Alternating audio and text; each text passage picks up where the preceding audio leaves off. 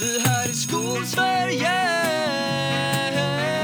Podden som handlar om den svenska skolan Med Karin Berg och Jakob Mölstam ja.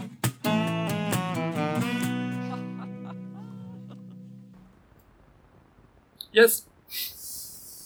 Tystnaden när ingen av oss är riktigt med på, i matchen. det får man ändå vara Karin, det är ändå rimligt. Ja, det är rimligt. Det är ändå så att vi har varit ifrån varandra nu eh, ett tag. Eh, även via Meet. Vi har inte pratat så mycket den här sommaren. Har du tänkt på det? Vi brukar inte prata så mycket på somrarna faktiskt. Eh, Men, men vi har inte pratat nästan alls. Vi det brukar byta några enskilda meddelanden. Men den här sommaren har vi verkligen haft radiotystnad. För Mm. att undgå ryssen på något sätt. Och det funkar bra tycker jag. Jag har inte blivit tittad. Har du blivit tittad? Nej. Nej, ingenting. Jag har verkligen flutit under radarn känns det. Jag har varit ganska så icke-digital den här sommaren. Eh, eh, så. Det är härligt.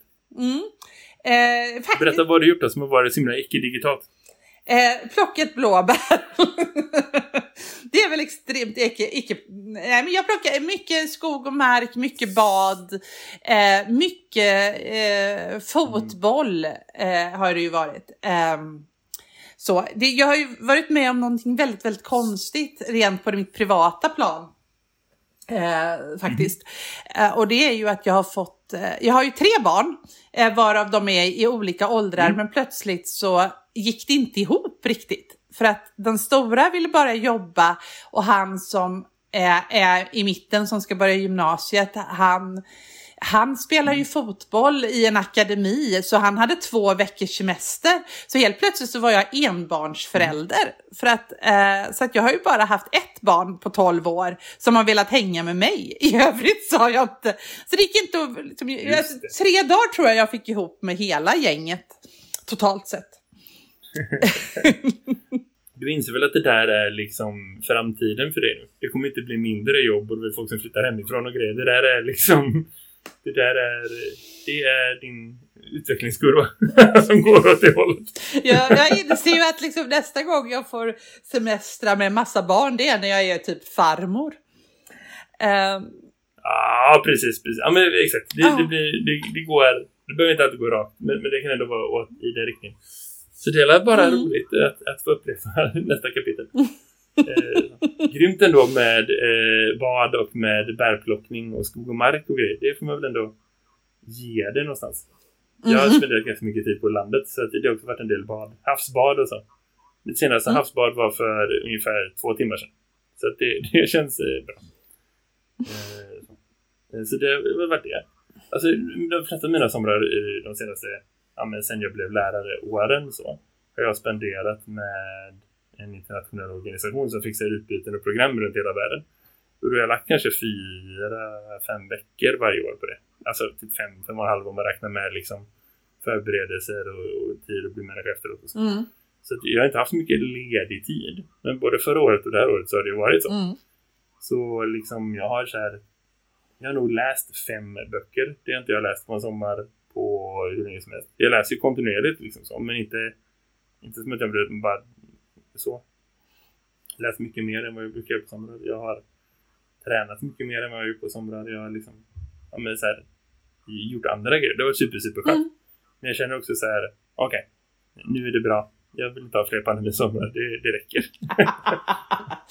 det, det, det håller liksom. ja. Det, ja, nej men det där med, det, man får ju ta vad som ges. Så. Mm, Det har varit mycket, mycket friare den här sommaren än det varit förut. Känns som med restriktioner och så. Men ändå, det, nej jag skulle inte vara okej med att liksom sätta mig och resa någonstans just nu. Och vi har ingen verksamhet just nu. Liksom för det är som framförhållning och det sammanföra folk från 12 olika länder på en och samma liksom, lägergård. Det, det är inte riktigt eh, melodin sommaren 2021. Så det, det blir vad det blir. ja. Men det är eh, fantastiskt. Så. Det för att checka in och så. Sen har man också gått och tänkt lite på... Alltså jag vet inte. När jag, när jag tänker tillbaka liksom, med lite ledig tid så inser jag att det senaste året, alltså vilken pers. Mm, Det, det har inte varit den värsta... Jo, det har varit den, den värsta pandemiperioden också faktiskt. Man tänkte att det var liksom fram till förra sommaren. mm, Men, men det var ju bara för liksom, smaken. Så det har verkligen varit en, en, en utmaning. mm, Och även om jag kunde gå till jobbet varje dag och mina elever har liksom som norm varit där varje dag så. Även om du vet, det är folk som är sjuka och kollegor som är sjuka, man får ta in vikarier och så. Så, så det ändå funnits någon sorts normal var det det. Men alltså vilken vilken utmattning över lång tid. Att liksom aldrig vara riktigt ledig utan bara liksom köra på och mala på och mala på och mala på i liksom en konstant uppförsbacke. Mm. Så.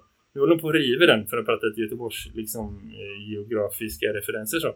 Men de håller på att riva Götaälvbron. Men inte om du sprungit Göteborgsvägen någon gång. Men det är liksom att springa upp för Götaälvbron och sen upp för Avenyn. Det är liksom en, en och en kilometer av ja, men svag uppförsbacke hela tiden. Och det är liksom det är det jävligaste jag kan föreställa mig. Och jag tänker på det varje gång jag åker Hisingsbron och jag ser att de har rivit en liten ny bit av Götaälvbron. Det ska den jävla bron ha. så tänker jag eh, och, och hela förra året var lite som, mm. som Götaälvbron och, och, och liksom Avenyn på sig. Att det är liksom, det är, man märker inte det efteråt, men det är så här, ja, det där var en bärs. Eh, sen var det jättemånga roliga grejer också. Det var på ett sätt det roligaste yrkesåret jag haft på kanske hela mitt yrkesliv. Men, och det menar jag verkligen. Jag vill inte så här, zona förbi det. Men, men också vad skönt det har varit att få återhämta sig och få bli människa igen. Och, och faktiskt komma hela varvet runt till att liksom längta att få starta igen. Då, då har man varit ledig så länge som man behöver. på något sätt. Ja, Nej, men jag måste säga, jag håller verkligen med dig att förra året var ett av de tuffaste åren. Sen är jag ju enormt stolt över hur eh, min organisation, alltså min skola och hur vi tillsammans, mina kollegor och vi ändå tog oss an den här utmaningen och hur vi löste det och hur, hur bra det mm. ändå har blivit och att jag kan känna med gott samvete att de 30 som var mina mentorselever, när jag släppte ut dem, så, de har fått så bra undervisning som de någonsin kunde ha fått. Alltså jag, vi har gjort vårt yttersta och jag kan verkligen säga det med, med liksom Eh, att det, det, vi gjorde verkligen, verkligen, verkligen vårt yttersta för dem. Eh, så. Och det kan jag känna liksom att det känns bra. Sen var jag ju totalt slut eh, i juni. Och jag är, ser, eh, jag har svårt att hitta motivationen. Nu när vi spelar in det här så börjar vi imorgon. Och då är ju första mötena och första liksom uppstarten över Meet. Och jag känner en extrem trötthet inför det. För då, det, det indikerar ändå någonstans att trots två vaccinsprutor och trots liksom lättare restriktioner så är vi ju inte av med den här skiten. Och jag känner, jag förstår faktiskt inte vad jag ska uppbåda kraft någonstans ifrån. Men det kanske kommer imorgon, jag vet inte. Men det där är spännande. Alltså nu ska inte, jag känner inte dina chefer så, men, men det känns ju som att det någonstans är ett designmisslyckande, liksom, ett feltänk mm. i, i organisation av de här första dagarna när man inte har elever och så. För du har väl också typ en vecka eller så utan att dina elever kommer in. Och liksom, det går ju att arrangera så många människor. Nu bor både du och jag på en stor skola, men liksom, det går ju att arrangera utan att det blir värsta superspridareventet. Man kan vara utomhus, man kan arrangera så man skulle kunna ha typ välkommen tillbaka, nu kör vi en frukost och en kaffe och så minglar vi och så har vi det gött liksom. Det hade ju gått att arrangera i de här situationerna som vi har just nu. Och jag tror att det finns ett symbolvärde i att få komma tillbaka och få ses igen efter det året som var, oavsett om det inte kommer att fortsätta vara så sen. Även om vi ser att hela den här delta liksom, varianten kommer och liksom, det kommer mer pandemi och liksom, vi får gå tillbaka till distans att de första, första dagen, första träffen för er och mm. första kanske träffarna, kanske dagarna för er och sen också den första liksom, timmarna med eleverna eller liksom om du ska ha nya mentorselever, liksom de första dagarna med dem, att det ändå är på plats. Att man liksom förankrar bra och sen kan man gå in i vad som än kommer sen. Ja. Det, det, det känns som att det har varit en viktig, viktig designaspekt för att liksom ändå känna att det här är vårt normala läge och nu går vi in i någonting udda. Istället för att det är vanligt att man sitter i sitt kök framför sin dator och gör något som liknar ett jobb. Liksom. Ja men eller hur, och jag kan känna att, att vi har ju fått då någon slags, eh, det finns ju för vår förvaltning då, en, en sån, eh, det här ska vi förhålla oss till. Men då är ju det sådär vagt skrivet och då blir det också en debatt kring där fackförbunden har en viktig roll, som jag, där jag är nog mm. ganska besviken över båda våra fackförbund utifrån att de är så extremt fyrkantiga i att eh, bråka med arbetsgivaren om. De, vill, de förordar ju verkligen distans, distans, distans. Och det står ju här då liksom i att vi följer fortfarande Folkhälsomyndighetens riktlinjer som beslutats i Göteborg. Eh, och då är det så här, respektive chef beslutar om möjligheten för medarbetare att arbeta hemma. Men kan man göra arbetsuppgifter hemma så ska man göra det. Eh, och det är viktigt att det är behovet av tillgänglighet för stadens kollegor att man då kommer in. Men eh, möten ska i första hand ske digitalt. Eh, fysiska möten som behöver genomföras får inte ligga innan klockan 9 och inte efter klockan 15. Jag fattar inte, var är det de, när fattades just den versionen av restriktionerna och var finns de? Alltså så, för, för, jag tror inte att det där är något som, som appliceras i hela staden ens, eller ens i hela, i hela Sverige, eller hela liksom... Nej, det här Sverige, är ju... Så. Nej, det, det, det här är ju då min förvaltningstolkning av Folkhälsomyndighetens eh, rekommendationer och det är min förvaltning som har, de, de har ju hela tiden tolkat det väldigt, väldigt snävt och det här är då gäller till och med 30 september från och med nu. Um, ja. Och, och, och, det finns olika aspekter av det. Jag förstår ändå att när man liksom någonstans agerar som fackförbund så behöver man förstå att liksom, det finns medarbetare som inte är bekväma, som inte är trygga och, och om vi skulle se det som en normalfördelningskurva där det finns en del som inte bryr sig det minsta för att inte ens att det är sant, att det finns en pandemi. Och så finns det de som, som är livrädda, alltid. Extrema ytterpunkter finns en normalfördelningskurva, liksom. folk är utspridda så. De flesta är i mitten. Alltså, fackets mm. linje kan inte ligga på mitten utan det får ligga lite under för att liksom tjäna alla någonstans. Jag förstår det. Jo, jo. Men det finns en jättefarlig roll i att spela den, eller det finns en jättefarlig konsekvens eh, om man spelar den, den rollen för, och den liksom planen för länge. Mm. För man, man, kan se det i USA, det är ganska spännande för där har man haft nedstängningar jätteolika från delstat till delstat, från område till område, men liksom man har haft ganska stora skolstängningar man har haft mycket skola på distans och liksom eh, man, man pratar om förlorade år och liksom det stora institutet McKinsey, eller så mätföretaget i McKinsey, har gjort en studie av en och en halv miljoner amerikanska liksom, låg- och mellanstadieelevers resultat och visar att de är efter ett år är de fem månader senare i matte och fyra månader senare i läsning eller om det var tvärtom. Och liksom, det, man har, det finns en växande opinion som är så här, vi får inte göra om det.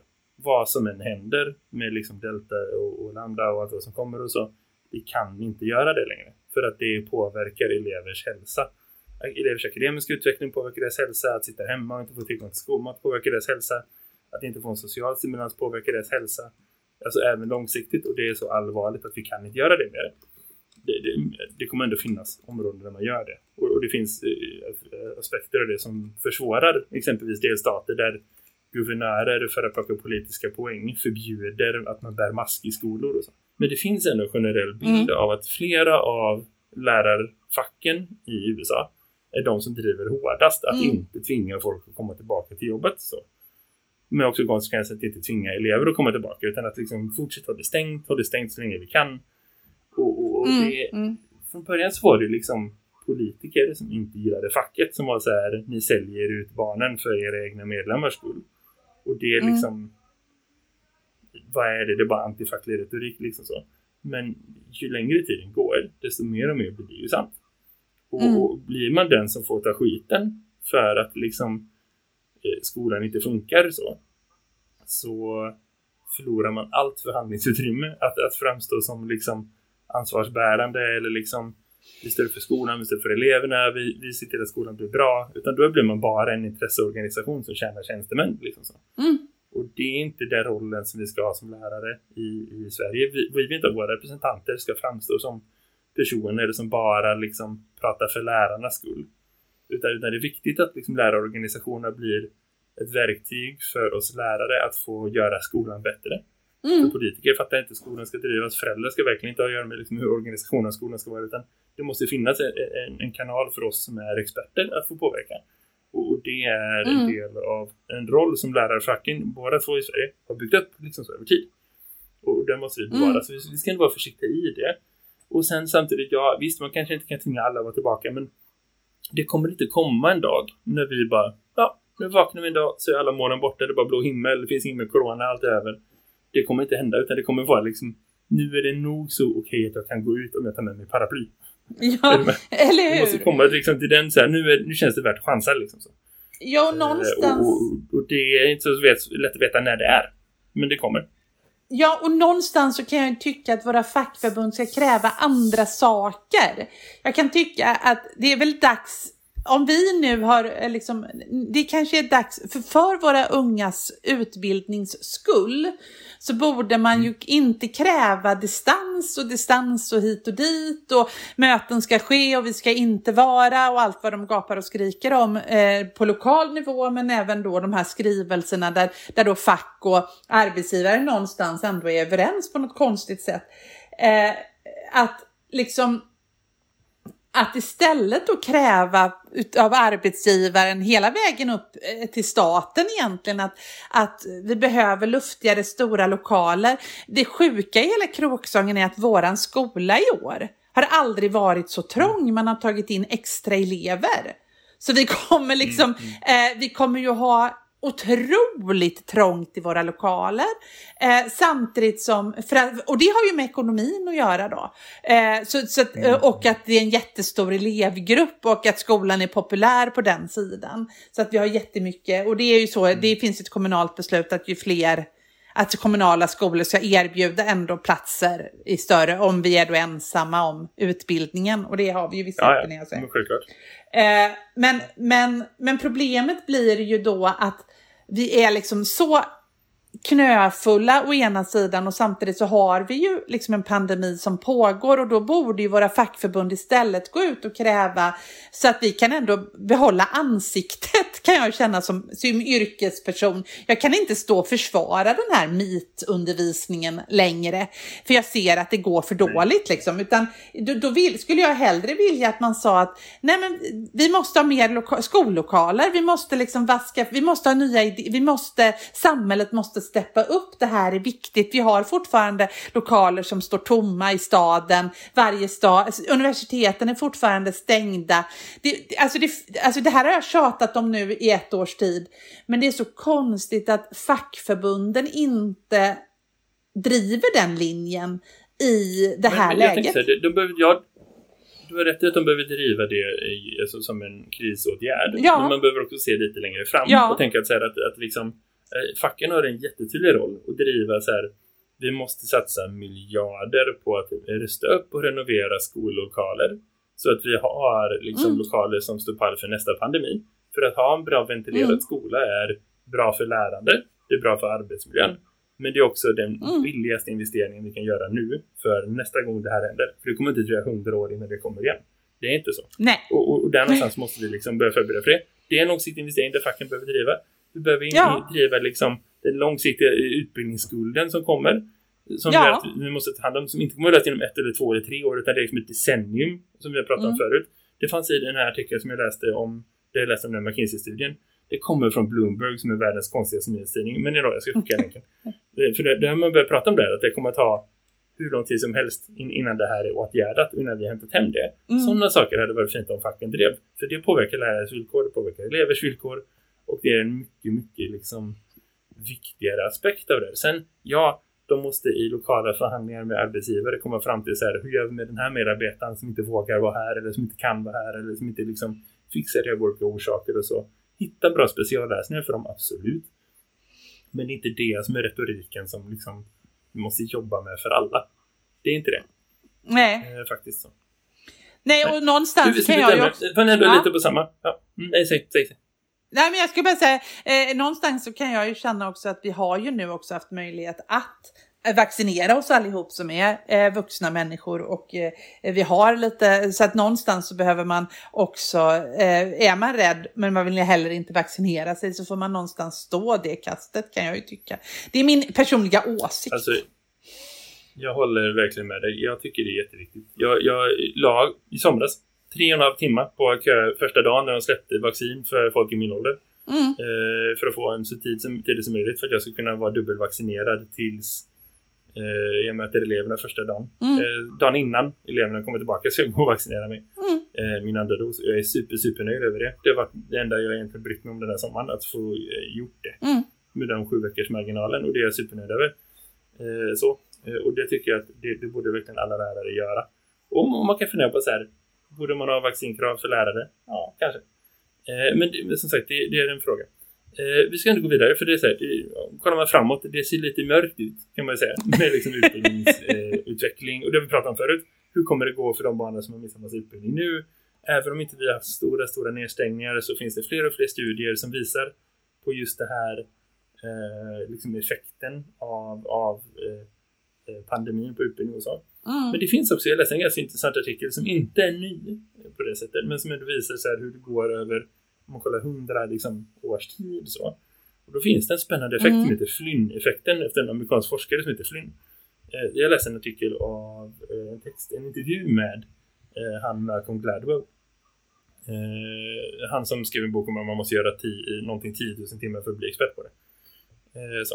Eh, som har liksom nördat loss på den här Flynn-effekten då. Och, och då vi- den sig så att i var tionde år i, i USA men också i, i västvärlden, i extremt mycket så i Skandinavien för, eh, så ökar eh, den generella befolkningens IQ med ungefär tre poäng, eller tre liksom enheter då. Vilket innebär att man på en generation, man räknar 30 år, ökar 9 procent, eller inte, inte procent utan 9 poäng eller enheter så. Och det är liksom en markant ökning. Vilket gör, och det har man sett över lång, lång, lång, lång, lång tid. Att liksom IQ i den mått det är för att mäta intelligens visar att, att vi blir smartare och smartare. På något sätt inom jättestora så här, kaninöron. är det att vara smart? Men det Mm. finns ändå där. Jag tyckte det var superspännande. Om du fick fundera lite, vad tror du är förklaringen till att det blir så? Ja, alltså jag tror egentligen att förklaringen är att vi utsätts för eh, mer, eh, alltså om du tänker att vi på 1800-talet inte behövde ta ställning till så mycket utan vi gick på åkern, det regnade eller så var det sol eller så var det liksom, alltså det, det var den typen av, eh, det växlade inte så snabbt. Eh, och sen, sen, men numera så växlar vi från Eh, vi, vi växlar från olika miljöer, vi måste hantera olika impulser på ett helt annat sätt. Eh, vi, vi tar del av eh, mycket mer tittande, det vet vi att vi blir klokare av det, alltså i form av tv-serier, i form av eh, den typen av eh, material. Vi utbildar oss också högre och tidigare för varje generation. Eh, det pratar vi sällan om, men, men, men om du jämför med din och min utbildning och det som en ung människa ska kunna idag, eller i alla fall min utbildning som är så hundra år gammal, eh, så behövde inte jag kunna lika mycket som många behöver kunna idag och så vidare. Så att på någonstans så så, är det väl en Absolut. kombination. Jag tycker det är intressant för att det, jag tänker med en gång på en ganska rolig upplevelse som jag hade när jag var, alltså en av mina första år som lärare. Eh, så fick jag kvacka som, eh, som lärare i filmkunskap, vilket är ju komiskt i sig. Eh, för jag hade ju ingen utbildning i det, men eftersom jag var nyexad och det fanns ingen lärare och jag antogs kunna en del om film, eh, helt oklart varför, men jag fick i alla fall det uppdraget. Eh, och ehm, eh, då, vis, då visade jag igen, eh, så här, vi såg Chaplins pojke i filmhistoria. Som är ju en gammal stumfilm från, eh, från eh, ja, sent 20, tror jag, alltså 1920-tal. Eh, eller så är det, ja, ja, vi säger att det är det, kanske. Jag vet inte. Där ja, någonstans. där någonstans. Eh, och eh, jag har sett den i mitt liv, för det är en av mina favoritfilmer. Jag har sett den så många gånger. Eh, som barn och som vuxen och sådär. Och eh, vi skulle ju se den för att liksom tillgodogöra oss en stumfilm och, och göra en analys av den.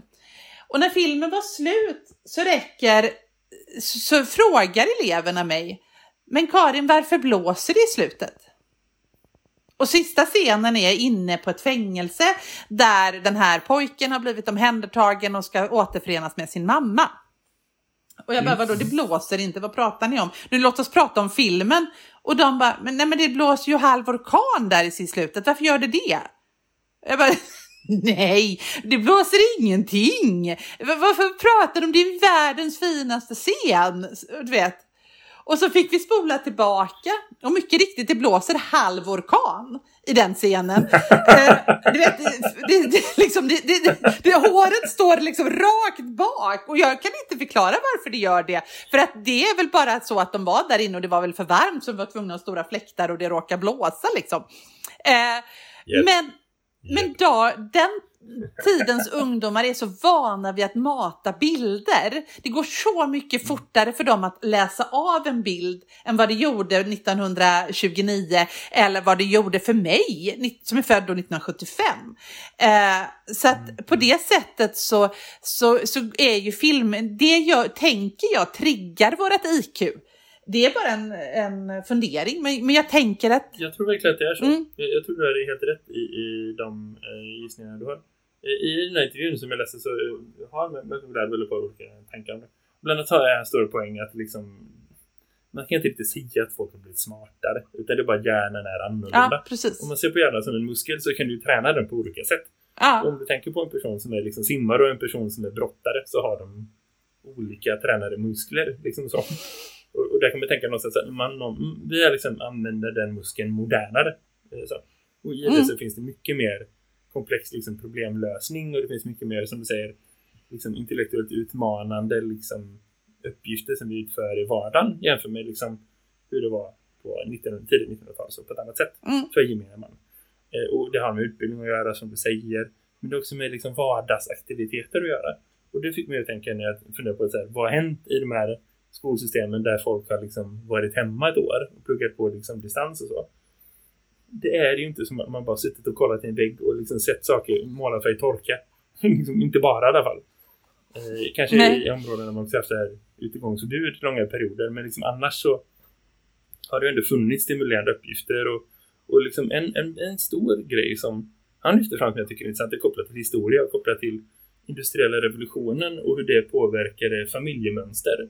Mm. Och, hur man gick från att vara liksom två föräldrar och tio ungar till att vara kanske två föräldrar och en unge eller två eller tre.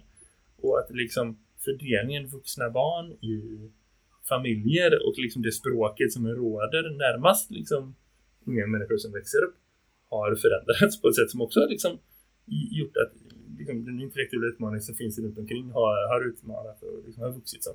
Och det tycker jag är superspännande att fundera på för det, det tänker man ju inte är har egentligen så mycket med, med industriella revolutionen att göra, men det hänger ihop i, i liksom tredje, fjärde, femte led. Mm. de konsekvenserna som vi fortfarande kan se liksom ganska lång tid efter att vi ändå har industrialiserat samhället. och, och också vi har digitaliserat och man upptäcker hela världen och vi håller på att navigera det och det kanske blir att vi ser nästa steg framåt. Så jag tänker ändå att man ska ta med sig, även om utbildningssystem runt om hela världen inte riktigt är så bra som de borde vara just nu och det kommer dröja lite innan vi är tillbaka till det vi borde vara.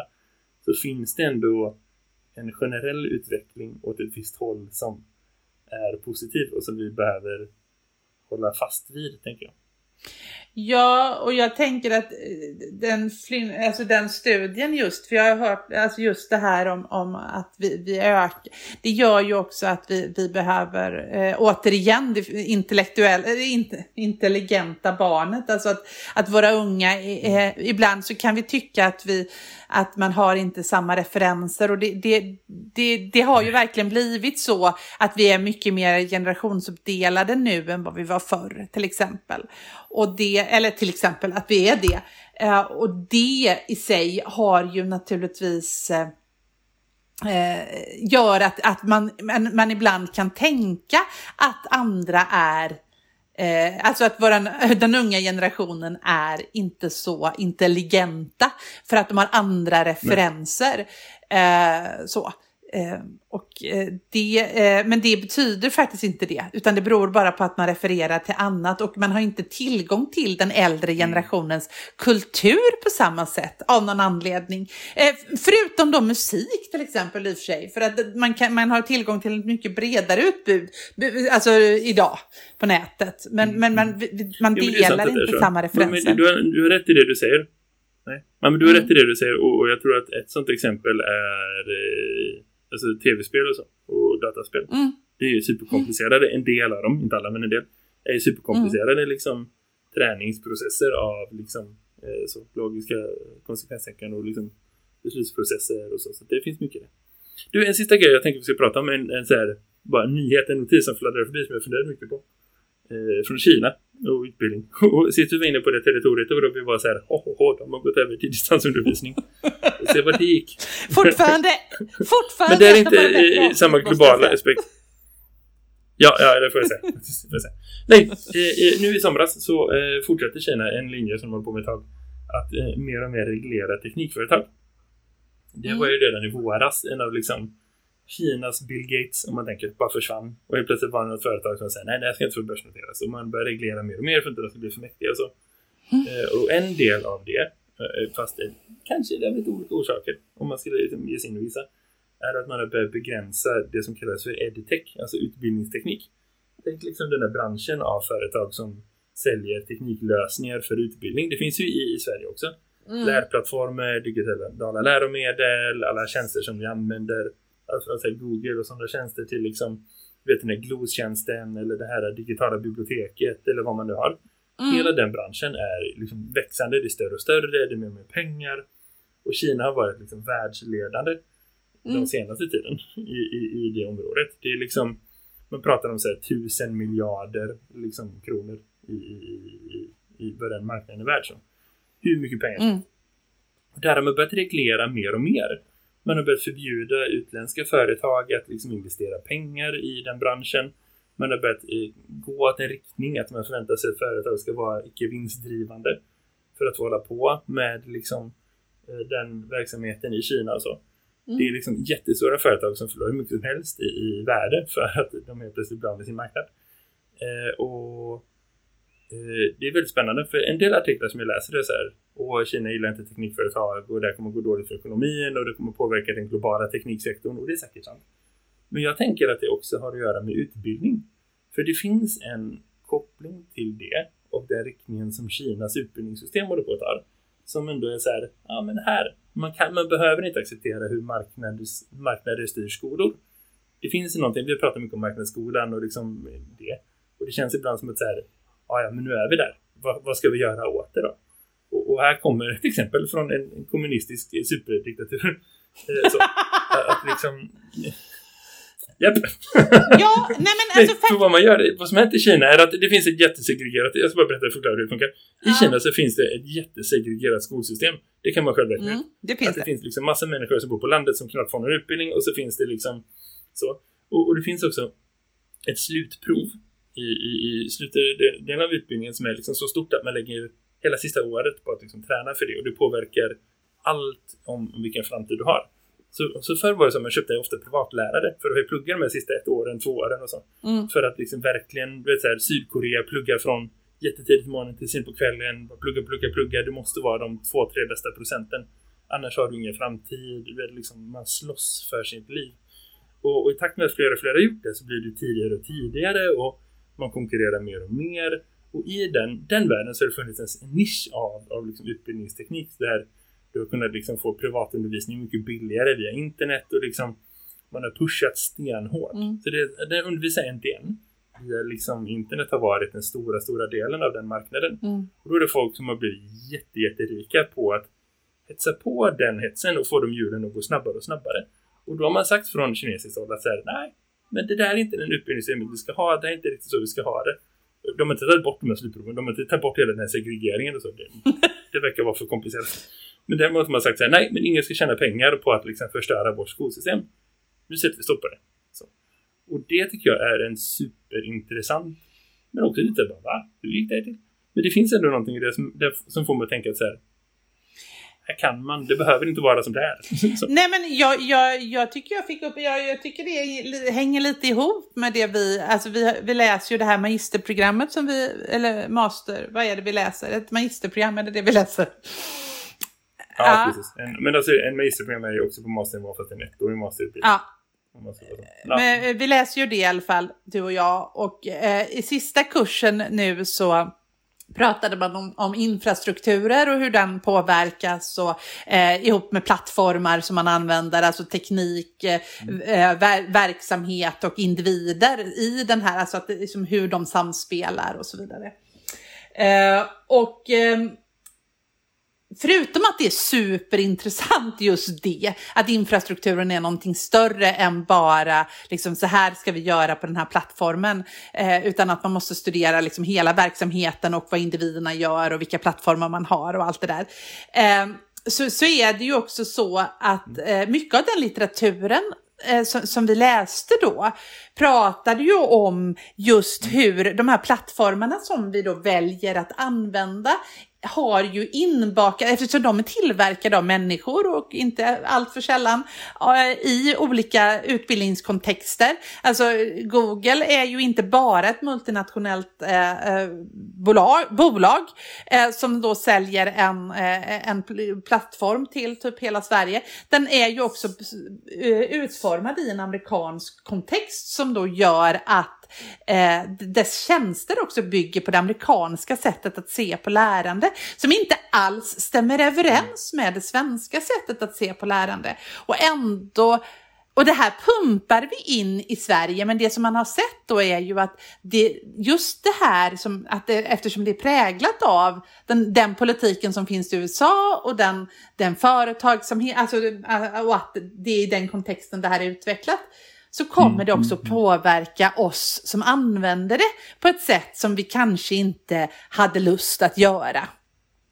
Och någonstans i det kan man ju känna att hur, varför diskuterar vi inte det? Framförallt efter ett år när vi verkligen har varit utlämnande till våra plattformar. Vad är den? Eh, någonstans borde väl egentligen det vara, man behöver inte vara en jättediktatur som Kina för att inse att fast vad vill vi med våran utbildning? Är det verkligen så att det är det stora multinationella eh, företaget Google som ska bestämma hur Alltså begränsa och bestämma hur vi ska utveckla vår undervisning eller är det Sverige som land som ska göra det? Och är det inte då i så fall vi som ska bygga en nationell plattform i ärlighetens namn?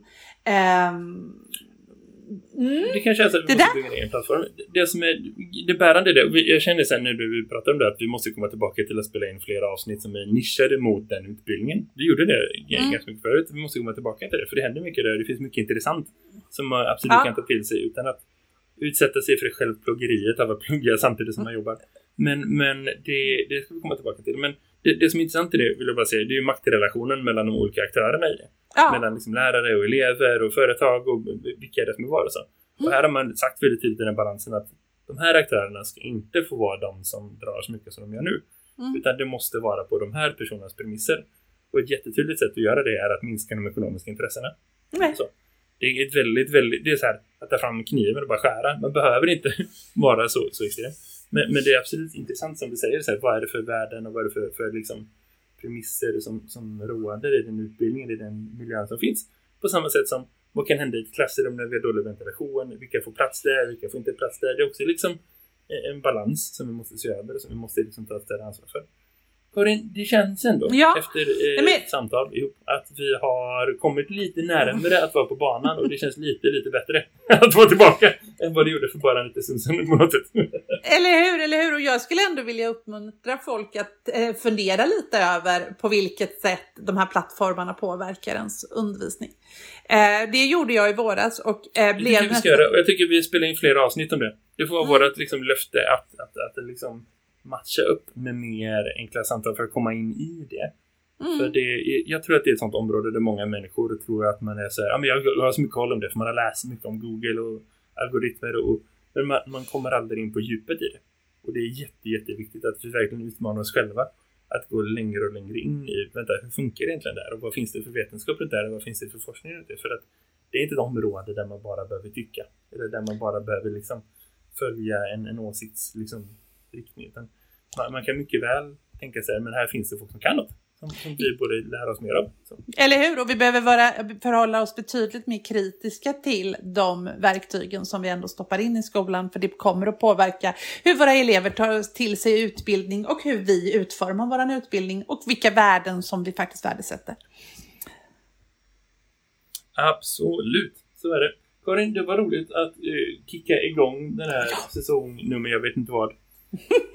Det var roligt. Jag har ingen aning hur länge vi är på, men, men det känns som att vi närmar oss eh, något stort och något bra. Så vi kör på. jag tycker att vi eh, rundar av där helt enkelt och så, får vi, eh, så är vi igång med den här säsongen och eh, hoppas att den ska bli vår bästa säsong hittills. Tror du inte det? Ja, jag hoppas jag verkligen. Och jag tycker vi ska önska alla lärare som lyssnar eh, välkomna tillbaka till jobbet efter en lång semester. Kom ihåg att vara lite extra snälla mot er själva och mot eleverna. För jag tror att den där sommaren har varit, det har inte varit tufft, det har varit skönt att vara ledig. Men alltså alla är vi lite så här, vi har våra skår, sår och våra skorpor efter liksom förra läsåret. Mm. Och det är inte över. Utan vi får liksom hålla i det och göra det bästa av det. Så är det. Det var kul att prata. Vi det har det varit. Hej. Ha det fint. Hej då. Det här är Skolsverige